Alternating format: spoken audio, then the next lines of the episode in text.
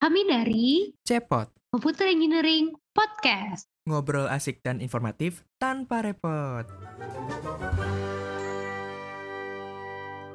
Halo, halo, halo kawan Cepot. Baik lagi nih di Cepot Computer Engineering Podcast. Tak terasa ya, kita udah masuk episode 2 aja.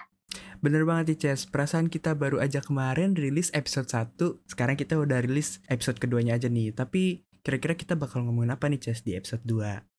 Nah, buat kawan Cepot semua, Cepot episode 2 ini kita akan ngebawain judul The Life Story of Computer Engineering Graduate. Penasaran nggak sih kira-kira bakal ada apa aja? Nah, kawan-kawan Cepot, episode kali ini kita akan mengupas lebih dalam tentang kehidupan pasca kampus. Mulai dari mengenai keprofesian teknik komputer, tips dan trik dalam berkarir, terus eh, masih banyak lagi ya. Bener banget nih Opal. Jujur gue udah makin gak sabar sih buat ngedengerin langsung podcast ini. BTW nih, episode kali ini gue sama Opal gak cuma berdua doang nih. Kita kedatangan satu narasumber yang pastinya keren banget. Betul banget, Ces. Jadi langsung kita panggil aja nih ya. Narasumber kita hari ini adalah Mas Adrian Kusuma Raharjo yang merupakan alumni Teknik Komputer ITS yang sekarang sedang berkarir di bidang teknologi di perusahaan salah satu perusahaan teknologi terbesar yaitu Huawei. Mungkin tanpa basa-basi lagi nih, kita sapa aja kali ya Mas Adriannya. Halo, halo, halo Mas Adrian. Halo, halo, hai, Ceci ada Opal di situ. Apa kabar nih Mas Adrian? Alhamdulillah baik juga. Masih negatif dari COVID, Alhamdulillah udah vaksin. Kemudian sudah masuk kantor juga. Kalau kalian bagaimana tuh? Oh, kalau aku sih, alhamdulillah puji Tuhannya sih baik-baik banget sih, kabarku baik. Nah, kalau Opal sendiri, Ya, alhamdulillah sehat juga. Tapi kayaknya kebanyakan di rumah nih bikin lumayan jenuh gitu lah ya. Tapi nggak masalah karena ada cepot episode 2 ya kan. betul banget nih Opal. Oke, mungkin Mas Adrian mau perkenalan singkat dulu nih. Sama ba- boleh banget nih buat sharing-sharing. Eh, sekarang Mas Adrian lagi sibuk apa? Oke, gua perkenalan dulu ya. Oke, hello guys, you can call me Adrian, or maybe di angkatan bisa dipanggil Sinchan. You know? Oke, this is my nick, that's it my nickname in teknik komputer ya. Teknik komputer ya sekarang ya, bukan teknik multimedia dan jaringan ya. Bener. So you can call me. Sinchan. And then gua kerja di salah satu perusahaan teknologi terbesar di Indonesia, yaitu PT Huawei Tech Investment. Jadi kalau kalian mau join bersama saya, bersama dengan yang lainnya, easy to open and freely to open. Oke. Wah, Mantap. keren banget sih. Jujur aku dengernya langsung insecure banget. Nah, Wow. gimana nih Pal? Ya bener banget Ces. Pokoknya Mas Adrian ini udah paling keren lah ya. Pak Bos, kita panggil Pak Bos juga nih biasanya. Aduh, Pak Bos, belum jadi bos saya. Masih kacung kampret. OTW Pak Bos ya Mas ya sebenarnya. Amin. Amin. Bismillah. Amin. Oke, mungkin kita langsung masuk ke topik aja nih. Soalnya kita udah Bentar-bentar nih, kan Oh, gua iya. belum kenal kalian nih. Lu, kalian tuh dari mana? Dari, dari angkatan berapa sih? Oh ya boleh banget. 19. Kita dari angkatan 2019 nih Mas. Jadi kita beda berapa tahun ya? Waduh, jangan sebutin tahunnya dong, ntar kelihatan tua gue. Pokoknya kita Iya bener Mas, 2019. jadi aku sama Opal ini dari teknik komputer 2019 Hmm. gitu. Oh gitu. Jadi satu angkatan ya kalian ya. Betul banget nih Mas Adrian. Oke, no problem. I'm still young. Of course lah ya, of course, of course. Gimana nih, Mas? Apakah kita siap masuk ke topik utama ya kan? Karena Oh, wadidaw. gua sama Cia udah Siap, siap. punya banyak list pertanyaan ya untuk ditanyakan. Banget nih. Jangan-jangan, Opal. jangan-jangan kayak pertanyaan TA nih, Mbak. Susah-susah. Oh, Waduh tenang aja Mas, ini pasti Mas bisa semua sih, yakin banget sih. Kerjanya aja udah di perusahaan teknologi terbesar di Indonesia, salah satunya. Pasti pertanyaan kecil kayak gini aman banget sih. hanya butiran Oke. debu ya, Cis. Mm-mm. Oke, langsung Oke, aja ya. bismillahirrahmanirrahim. Oke.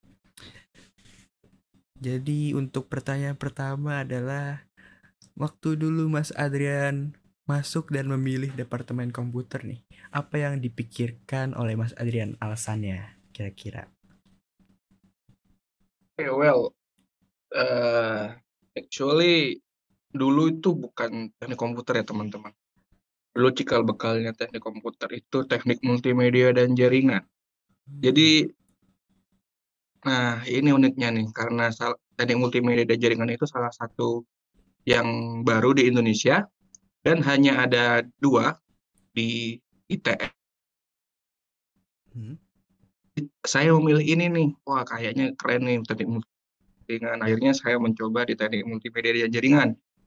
Lambat laun itu setelah jalan sekitar dua tahun, barulah diganti namanya jadi teknik komputer. Alasannya hmm Karena silabus di dikti tidak ada kata-kata multimedia dan jaringan. Jadi akhirnya dipindah tuh ke teknik komputer sampai sekarang. Oh, jadi emang ada regulasinya gitu ya, Mas ya? Karena ah, betul sekali ada regulasinya, ada silabusnya, list-list list-list jurusan yang ada di Indonesia tuh bolehnya apa aja namanya. Dan bidang sesuai dengan bidang keilmuan tentunya ya. Oke, okay, oke. Okay. Berarti Mas Adrian ini emang pengen dari awal tuh masuk ke teknik komputer itu sendiri ya? Atau teknik multimedia jaringan kalau namanya? Betul, teknik multimedia dan jaringan. Oke, mungkin kawan Cepo tahu, jadi teknik komputer itu dulunya itu namanya bukan teknik komputer nih teman-teman, tapi teknik multimedia jaringan. Oke deh mas, tapi dulu Mas sempet ngeh nggak sih sebelum Mas milih teknik komputer tuh kan ada jurusan yang mirip-mirip kan kayak teknik informatika, sistem informasi. Nah, Mas tahu tahu nggak sih perbedaan jurusan teknik komputer sama jurusan-jurusan lain yang berdekatan? Oke. Nah, uniknya dulu gue nggak tahu nih bedanya teknik teknik komputer kayak apa, informatika bagaimana, sistem informasi bagaimana, kemudian tadi multimedia dan jaringan itu bagaimana. Nah, baru nih, baru masuk ke kuliah nih, gue tahu nih perbedaannya nih. Jadi kalau di teknik multimedia dan jaringan sendiri itu dulu dibagi dua kan, dua peminatan. Game dan telematika. Mm-hmm. sedangkan kalau untuk yang di informatika atau S itu lebih kayak ke softwarenya, kemudian programmingnya, full programmingnya, Kemudian kalau di IC itu lebih kayak ke manajemennya, untuk basis datanya bagaimana, manajemennya seperti apa, itu lebih ke SI ataupun informatika. Nah, sedangkan kalau untuk yang TMJ ini, ada fokusan yang bagus tuh, game dan telematika. Untuk telematika hmm. sendiri itu ada hal-hal yang bikin saya tertarik tuh waktu itu. Apa itu? Jadi kayak di bidang IoT-nya itu, kemudian basis data bukan basis data sih, apa ya, ya namanya kalau bukan telematika waktu itu waduh mendadak lupa, uh, ada bagian jaringan, networking. Nah, networking-nya bagus, tele di TMJ itu.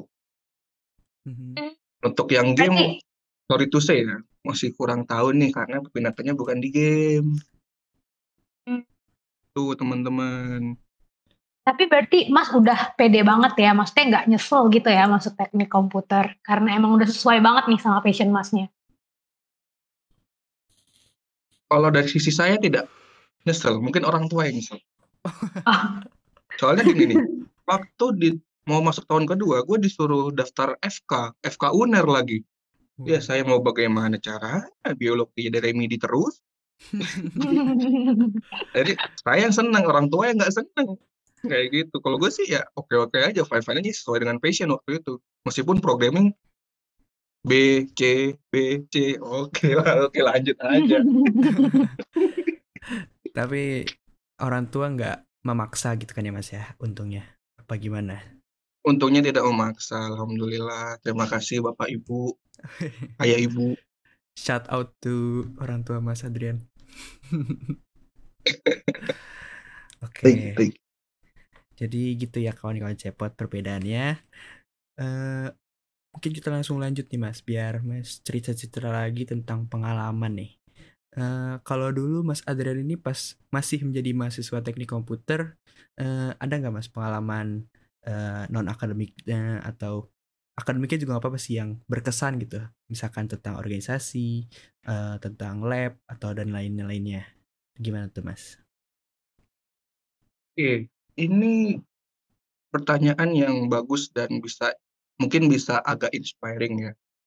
Uh.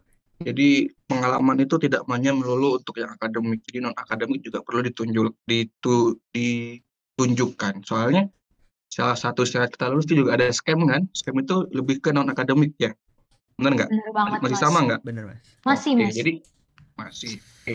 Jadi kalau sebenarnya saya itu lebih tidak punya prestasi di akademik. Kenapa? Karena saya anak nakal dulunya.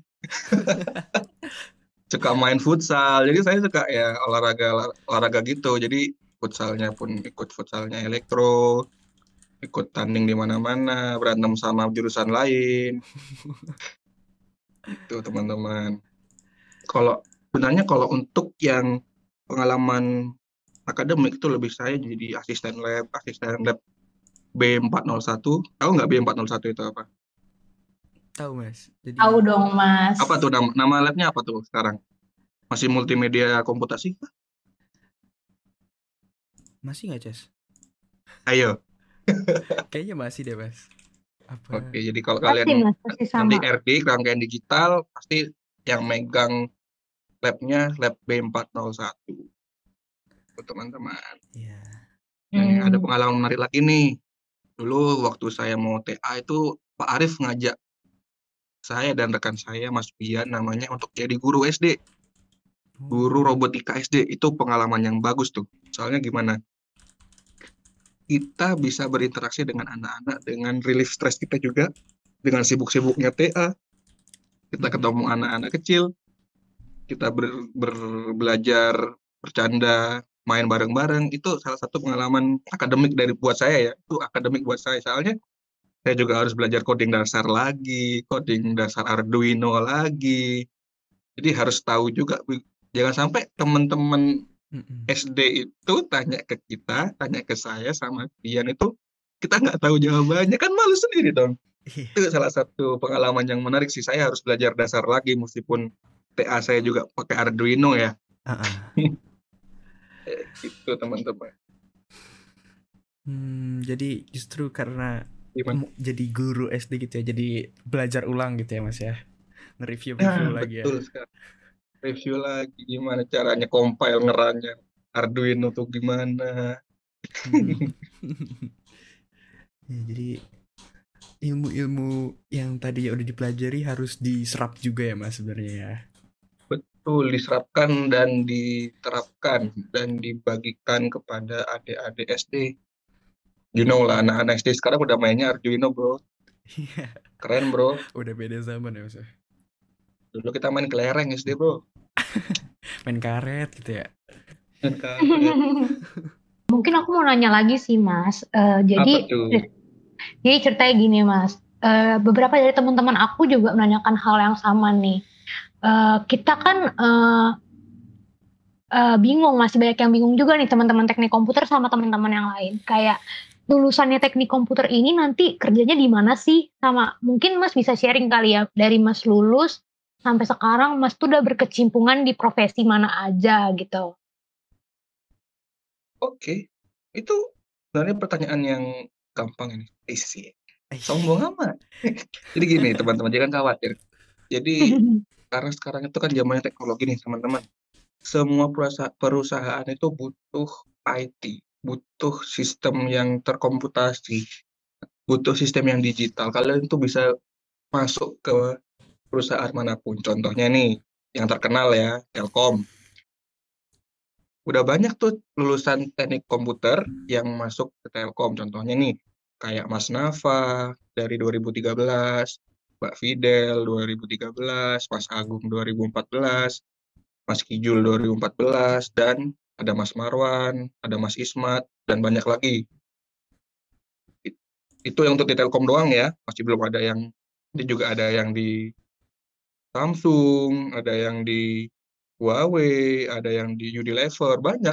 Jadi tersebar di mana-mana. Jangan khawatir. Teknik komputer Nah. tuh masih salah satu yang TOP BGT lah jurusannya. Prospek kerjanya masih terbuka sangat lebar. Oke, tapi kalau profesinya itu jadi apa ya Mas? Kalau misalnya eh, lulus dari teknik komputer ini? Oke, kalau misalnya untuk lulusannya kerjanya di apa? Pertama, basicnya ya. Mhm. Bisa jadi. Pertama kita apply-nya IT engineer untuk ya pokoknya yang IT engineer, IT development, programmer, developer, full stack engineer, kayak gitu masih banyak. Aduh, apalagi di startup tuh, full stack engineer tuh diperlukan tuh. Wah, gajinya gede, Bro. Please, Wah gila, jangan main-main full stack engineer. Banyak yang baru Data, tahu loh Mas kayak engineer. Aduh. Wah. gila sih. Ternyata sebanyak itu ya. Aku kira emang cuma dikit banget kayak berhubungan sama. Aku nggak tahu kalau misalnya kita bisa masuk ke eh, data analysis gitu. Ternyata juga bisa masuk ya kita kayak gitu ya. Oh, bisa banget. Nih, itu contohnya yang diperlukan di Huawei juga butuh data analis. Di Gojek butuh data analis. Di perusahaan yang kayak eh, saham-saham itu butuh data analis nih, kayak menghitung berapa kali, berapa kesempatannya dia, terus banyak-banyak sistem yang pakai AI AI lah sekarang, AI AI, Hah, anak AI. ingusan, eh bukan, artificial intelligence. Gitu. Apalagi sekarang zamannya Python kan. Waduh, komut perusahaan-perusahaan tuh banyak yang pingin karyawannya bisa Python, IT, teman-teman IT-nya itu. Karena Python udah lengkap banget, mudah diaplikasikan, Hmm. seperti itu. Nah, jadi buat kawan-kawan Tenang, cepot, jangan jangan khawatir. ah bisa dengar ya. Kata Mas Adrian ini tenang aja buat kawan-kawan cepot yang mencari pekerjaan nantinya nih berkarir sebagai lulusan teknik komputer. Ya perlu diingat juga itu eh, pelajari Python dengan baik lah ya Mas ya. Betul, Python, C itu ah kalau misalnya kalian kuasain aman, lolos. Lolos ya. Nah, tapi ini Mas, Hmm. kita kan teknik komputer ini juga sebagai ini ya, apa? irisan atau gabungan dari teknik informatika sama elektro. Nah, karena ada teknik elektronya berarti kita kayak ada eh, belajar-belajar sedikit tentang bidang kelistrikannya gitu ya. Nah, kalau Betul. misalkan profesinya gitu, keprofesian yang di bidang kelistrikan buat eh, lulusan teknik komputer kira-kira ada nggak mas? Apa aja tuh kalau misalkan ada lulusan yang ternyata lebih interest gitu ke bidang kelistrikannya? Yang kelistrikannya ya tuh ada sih sebenarnya kayak gini nih. Itu lebih masuk nanti ke developmentnya, tim R&D. Nah, di tim R&D ini kan misal masa kita mau ngerak- ngerakit barang, bikin barang, prototype, nggak tahu arusnya bagaimana, tegangannya berapa. Kan itu ya itu basicnya kayak kita sebelum belajar RD gitu teman-teman. Kita mau bikin PC, mau ngerakit PCB, Mhm. terus nggak tahu besaran arusnya berapa, tegangan yang diberikan berapa, hambatannya berapa. Nah, kalau untuk yang lebih ke teknik kelistrikan itu ya bisa jadi masuknya ke bagian R&D. R&D ya. Iya, R&D. Kayak Mas R&D Billy itu tuh. apa sih Mas R&D? R&D itu research and development. Jadi kayak perkembangan prototipe alat, ada alat baru itu diuji coba. Ya kayak apa ya, laboratoriumnya suatu perusahaan untuk publish yang baru, alat-alat baru. Tapi gini Mas, tadi kan kita udah ngomongin prospek kerjanya sebagai teknik komputer ya. Ada yang di bidang Hmm. kelistrikan atau software gitu kan. Ada juga software dan hardware gitu ya.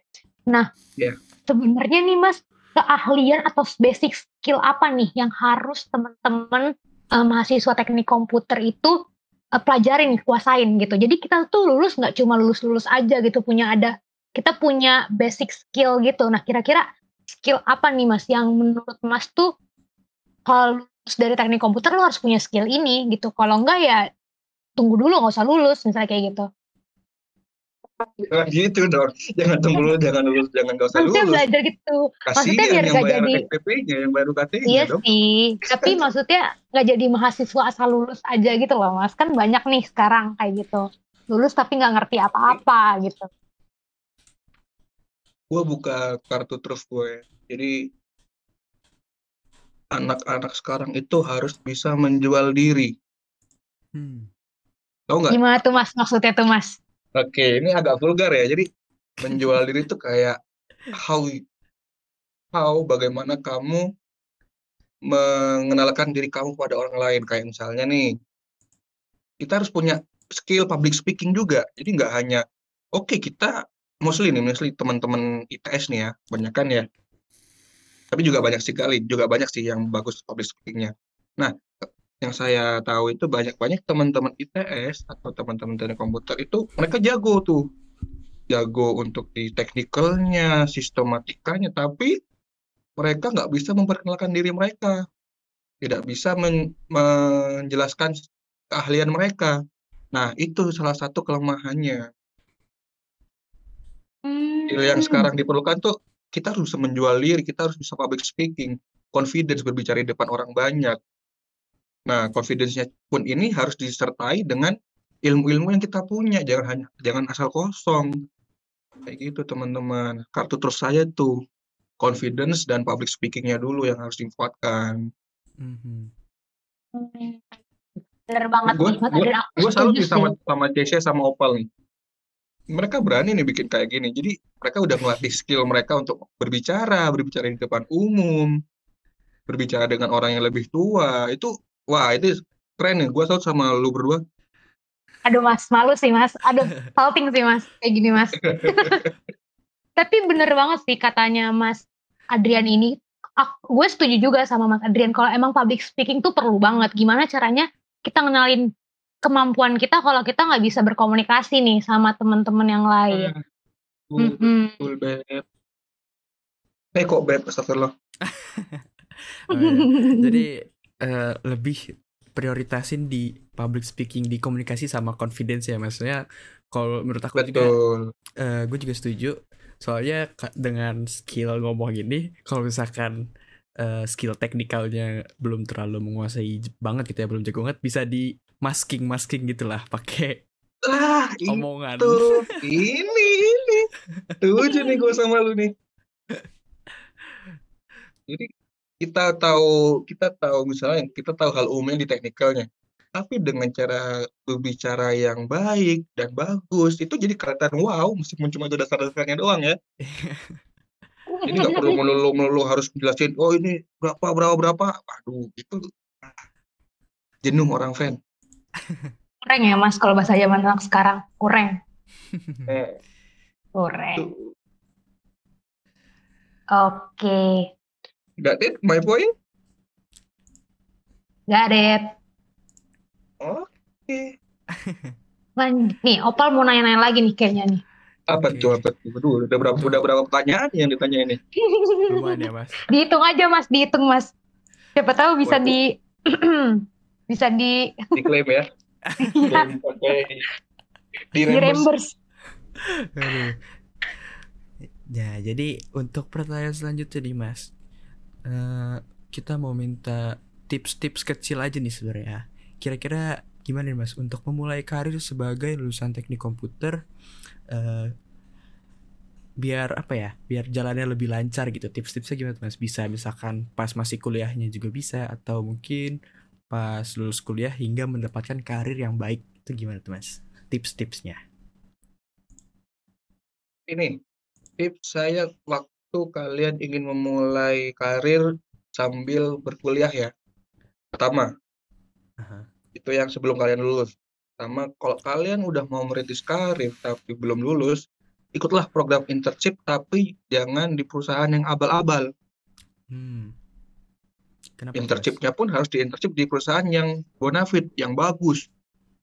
Salah satu contoh yang bagus nih yang saya tahu ini ada Mas Billy dari 2015. Mas Billy ini dulu internship waktu ngerjakan TA-nya, dia itu di Samsung tuh, Samsung nih men, Samsung men, Samsung di Samsungnya moncer, di TA-nya jalan. Nah, berarti benar-benar dipersiapkan nih kan, dia di Samsung oke, kemudian di kuliahnya jalan.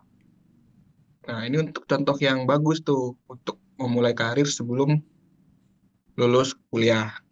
Mhm. Kalau kalian sudah lulus kuliah, jangan asal apply kerjaan. Kita harus juga set up target sesuai dengan kemampuan kita. Misalnya nih, ah IP gua cuma 3,5.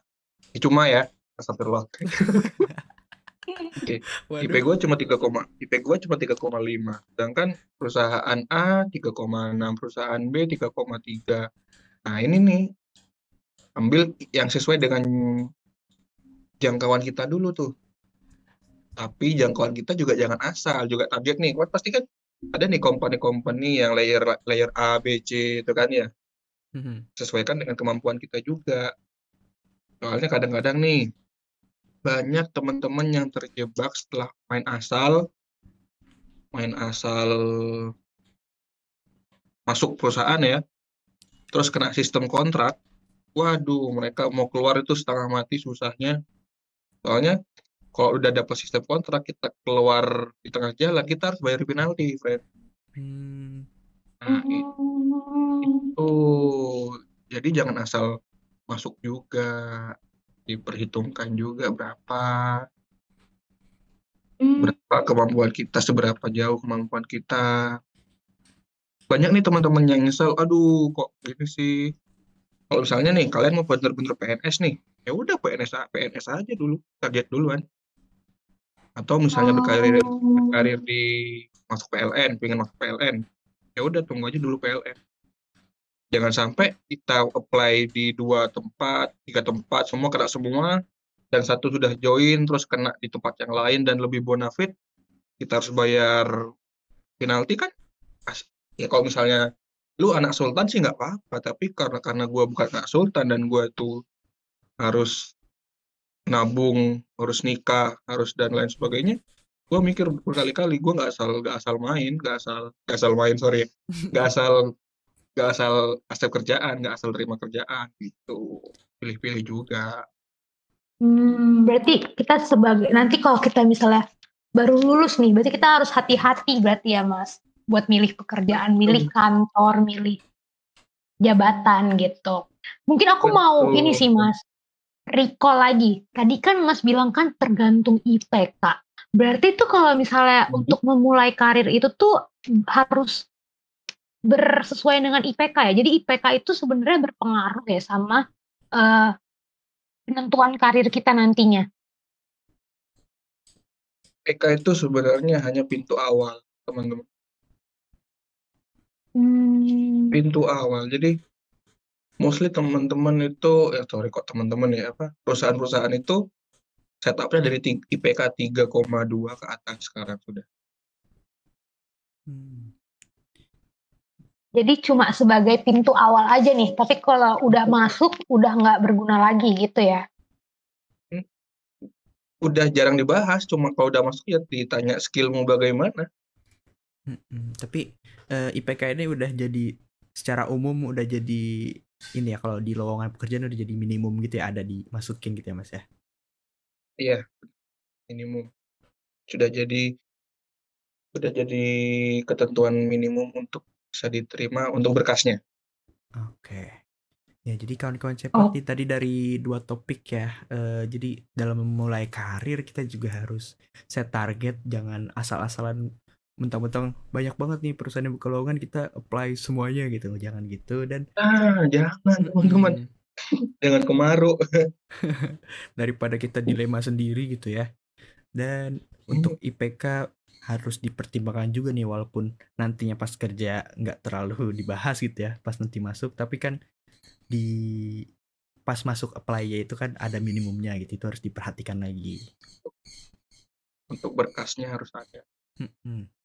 Oke mungkin ada banget nih. satu pertanyaan ini nih mas tentang agak menarik mungkin ya biar mas juga ingat-ingat masa lalu lagi deh kira-kira mas ada pencapaian gitu ya yang mas Adrian menurut mas Adrian tuh membanggakan dan mengesankan gitu dari dulu kuliah sampai sekarang kira-kira apa tuh mas ada nggak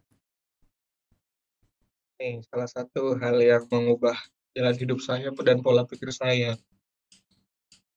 Wah, Pencapaian yang paling menyenangkan itu waktu saya jadi ketua Mage 2017. Tuh. Ceritain dong mas sedikit mas. Pencapaian yang yang bagus dan menjadi titik awal saya untuk berkembang dan bisa memanage teman-teman, memanage tim. Jadi gitu. Jadi gini teman-teman. Mage itu di tahun satu tahun pertama, tahun kedua itu suffering banget. Suffering tahu nggak? Jadi duit tuh nggak ada tapi disuruh bikin kegiatan. Hmm. Akhirnya apply sana, apply sini minta apa namanya sekarang? Sponsor ya itu ya. Nah itu. Aduh muter itu gimana, muter otak gimana ya. Sempat mau jual motor tapi itu hal terakhir ya. Gila. Jujur kaget banget sih mas. Berarti mas Ade ini berdedikasi banget dong pada waktu itu buat mage sampai mau jual motor. Tapi itu aku nggak pernah nggak pernah sampaikan ke teman-teman. Cuma do backup. Soalnya kalau benar-benar nggak punya duit ketua nih yang harus anu ya tanggung jawab ya. Aduh gimana ya gila. Mm-hmm. harus siap-siap motor dijual gitu aja sih demi acara gitu. Jujur ini sih eh, teman-teman bisa lihat sendiri sih Mas Adrian ini untuk mage aja tuh berdedikasi banget. Gimana untuk pekerjaannya nih? Jadi buat teman-teman semua tuh harus berdedikasi ya buat apa pun yang sedang dikerjain. Tapi jadinya sukses kan Mas magenya alhamdulillah sukses masih bisa ngajak tim inti makan kemudian masih bisa ngasih duit ke mage berikutnya. Alhamdulillah. Wah keren banget ya. Keren banget sih. Insecure gak pal? Enggak dong, jadi termotivasi. Tapi itu dong. bukan hanya itu bukan bukan kesuksesan saya sendiri ya, tapi bantuan teman-teman juga. Gak, saya juga nggak mungkin bisa kok sendirian, pasti ada teman-teman yang lain. Saya yang support saya, yang kerja bersama-sama gitu. Betul. Intinya teamwork seperti itu. Teamworknya bagus alhamdulillah. Oke, okay.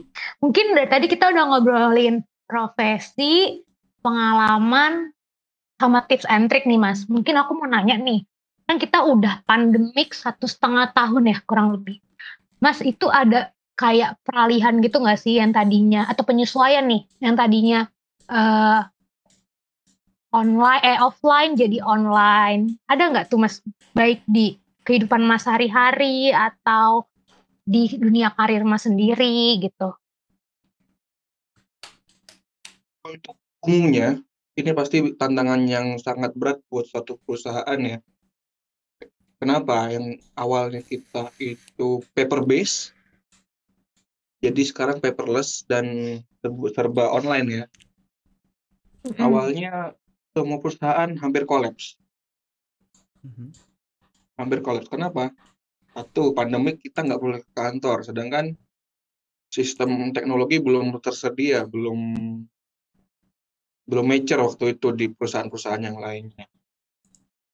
Itu mm. berdampak sekali pada ekonomi, berdampak sekali pada progres kerja, kemudian target-target kerja juga banyak yang menurun. Dulu kan sempat tuh ada lockdown apa ya lockdown ya dulu ya namanya yeah. lockdown ya hampir di iya, lockdown yeah, gitu kan. Tapi ada beberapa perusahaan yang punya strategi karyawannya dimasukkan tapi setengah-setengah dulu.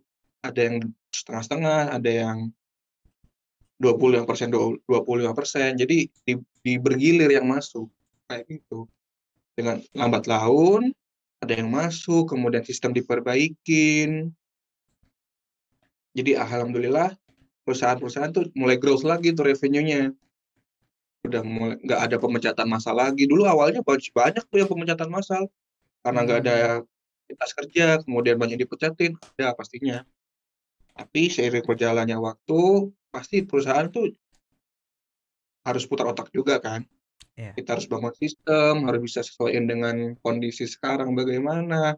Akhirnya banyak tuh udah perusahaan yang survive-survive dari yang online dari yang offline ke online sekarang. Hmm. Entah itu kita pakai sistemnya email-emailan, approval by email, digital signing, itu kan sekarang udah bisa dibanyakin tuh, udah bisa dilakuin juga. Mungkin kalau TA juga begitu nantinya kan, approval ke dosen itu bagaimana masa kita lagi pandemik minta tanda tangan ke dosen. Pak tanda tangan? Enggak enggak mau enggak gelem aku. Ini lo kon covid. Nah masa gitu kan? Enggak kan berarti kan sekarang udah bisa di di apa namanya? Diakalin ya apa di, di dibikin strategi masuk ke digitalisasi. Konsepnya itu di digitalisasi teman-teman. Untuk penyesuaiannya sendiri Oke, berarti sejauh ini Mas sendiri aman aja berarti ya? Alhamdulillah aman. Oke. Kan dewa, Eh. Oke, tadi masih ada banyak nih Wow. Enggak, enggak. Kita udah tinggal dikit nih, Mas. Tenang aja. Uh, Mau lama-lamain juga nggak apa-apa. Nggak apa-apa ya, Mas ya. Tapi ntar reimburse-nya, waduh. Kebanyakan nih. Iya, ntar kasihan gitu bulunya. Enggak, enggak, enggak. Um, oh ya tadi ngomong-ngomong kita ngomongin mage ya. Mage itu apa sih, Cus? Kayaknya kawan-kawan cewek nah, ada yang nggak tahu nih takutnya nih. Mage itu adalah acara tahunannya Departemen Teknik Komputer yang memiliki kepanjangan yaitu Multimedia Game Event. Jadi isinya itu Alah, kepanjangannya bukan itu. Eh, itu gak sih? Multimedia End Game Event. Ada oh iya deh, ada N-nya deh. Nah, ya, jadi isinya itu adalah kayak semacam event ada perlombaan, ada workshop, ada juga uh, pelatihan gitu. Nah, yang intinya tuh untuk mengembangkan kreativitas teman-teman mahasiswa teknik komputer di seluruh Indonesia. Itu. Saat ini udah ketujuh ya tahun ini ya, Ces ya? Iya, betul banget nih. Jurusan udah ketujuh? Aduh, tua. Udah beneran serius, Mas. Udah eh. ketujuh. Iya. ya, buat kawan-kawan cepot yang tertarik sama Mage, nanti bisa cek IG kita juga ya. Betul banget. Oke. Oke, mungkin ini agak-agak yang terakhir nih, Mas. Kita mau minta kesan pesan serta harapan dari Mas Adrian buat uh, boleh itu dosen gitu atau misalkan teman-teman Mas di waktu seangkatan dulu atau uh, mahasiswa-mahasiswa teknik komputer yang sekarang. Kira-kira ada nggak nih Mas? Pesan-pesan untuk dosen dulu ya. Kesannya untuk dosen itu sebenarnya kita harus tahu nih kesannya dosen tuh banyak sih ada dosen yang agak strict, ada dosen yang santai tapi tetap serius. Itu wah di jurusan ini kalau di kuliah kayak deg-degan nih. Kalau untuk teknik komputer itu kadang satu hari kesan dosennya baik, tiba-tiba berubah. Hal yang tidak bisa diungkapkan. Sidangnya dijadwalkan tanggal berapa, di maju Hamin berapa? Mungkin kalian juga pernah dengar-dengar desas-desus gitu kan ya? Tiba-tiba kebijakan dosennya juga berubah ingin dimajukan gitu kan? Iya. Kayaknya di semua jurusan sih mas kayak gitu mas. di semua jurusan sudah ya bukan cuma di komputer ya? Iya. Untuk pesan dosen untuk pesan untuk bapak ibu dosen jadi Semoga dalam kondisi pandemi ini Bapak Ibu selalu sehat selalu, Amin. dipanjangkan umurnya, lalu Amin. semangat untuk mengajar dan mendidik adik-adik, eh adik-adik, eh, adik-adik teknik komputer yang akan menjadi tulang punggung bangsa Indonesia di depan. Amin. Tadi kita kan 100 tahun kemerdekaan kan harus kita, kita kan yang jadi tulang punggung Indonesia kan. Udah iya betul banget. Hmm, kalau buat teman-teman Mas nih sama mungkin sama mahasiswa yang ada di bawah Mas nih. Jadi kalau untuk teman-teman satu angkatan ataupun satu angkatan di atas satu, satu angkatan di bawah, ayo kita mau anu ya, kayaknya kita agak renggang nih komunikasinya. Jadi kita harus ada mulai komunikasi lagi, ada komunikasi dikit-dikit lah kayak kita bikin bantuan ke adik-adiknya kita bikin beasiswa kalau bisa kayak yang sebelum sebelumnya udah ada kan udah pasti udah mostly udah pada bekerja kan di angkatan 2013, 2015 dan 2014. Bolehlah kita bikin beasiswa buat adik-adik yang masih kuliah, bantuan-bantuan ke ke sesama dosen ataupun ke sesama pegawai teknik komputer, boleh lah. Pasti pasti mau lah. Kemudian untuk teman-teman, aku bilangnya saya bilang teman bilangnya teman-teman ya, adik-adik. Karena apa? Nanti kalau udah masuk ke dunia beneran, udah jadi teman lah, udah bukan jadi adik. Kecuali jadi adik ipar atau adik adik Aduh, ya. aduh. Beda lagi ya. Jadi kalau untuk teman-teman itu sekarang mungkin sudah lebih enak daripada sebelumnya.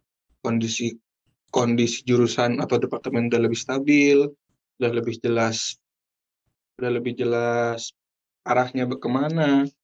Kemudian prospek kerja sudah ada ketahui, diketahui, alumni-alumni sudah ada. Jadi manfaatkanlah channel-channel itu.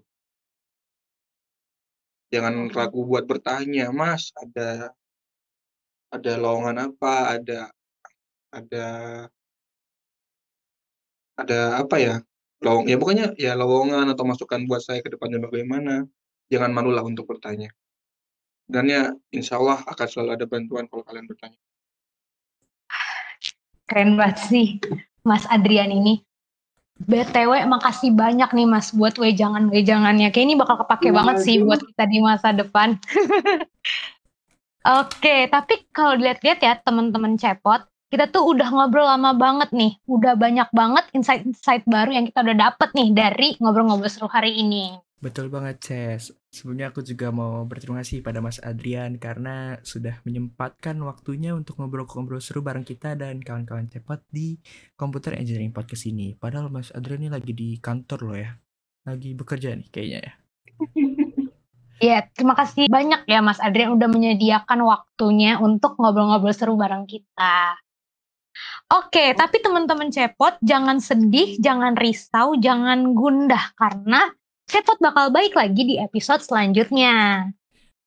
Jangan lupa pantengin terus dan follow Instagram Himatikom ITS serta channel Spotify Cepot atau Computer Engine Podcast untuk mendapatkan info-info atau updatean menarik selanjutnya.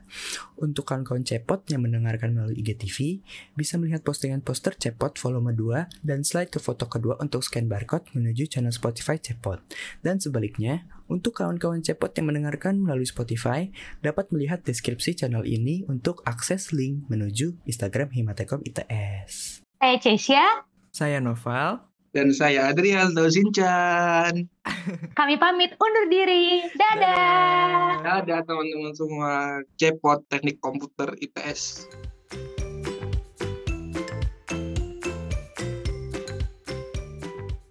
Cepot. Computer Engineering Podcast.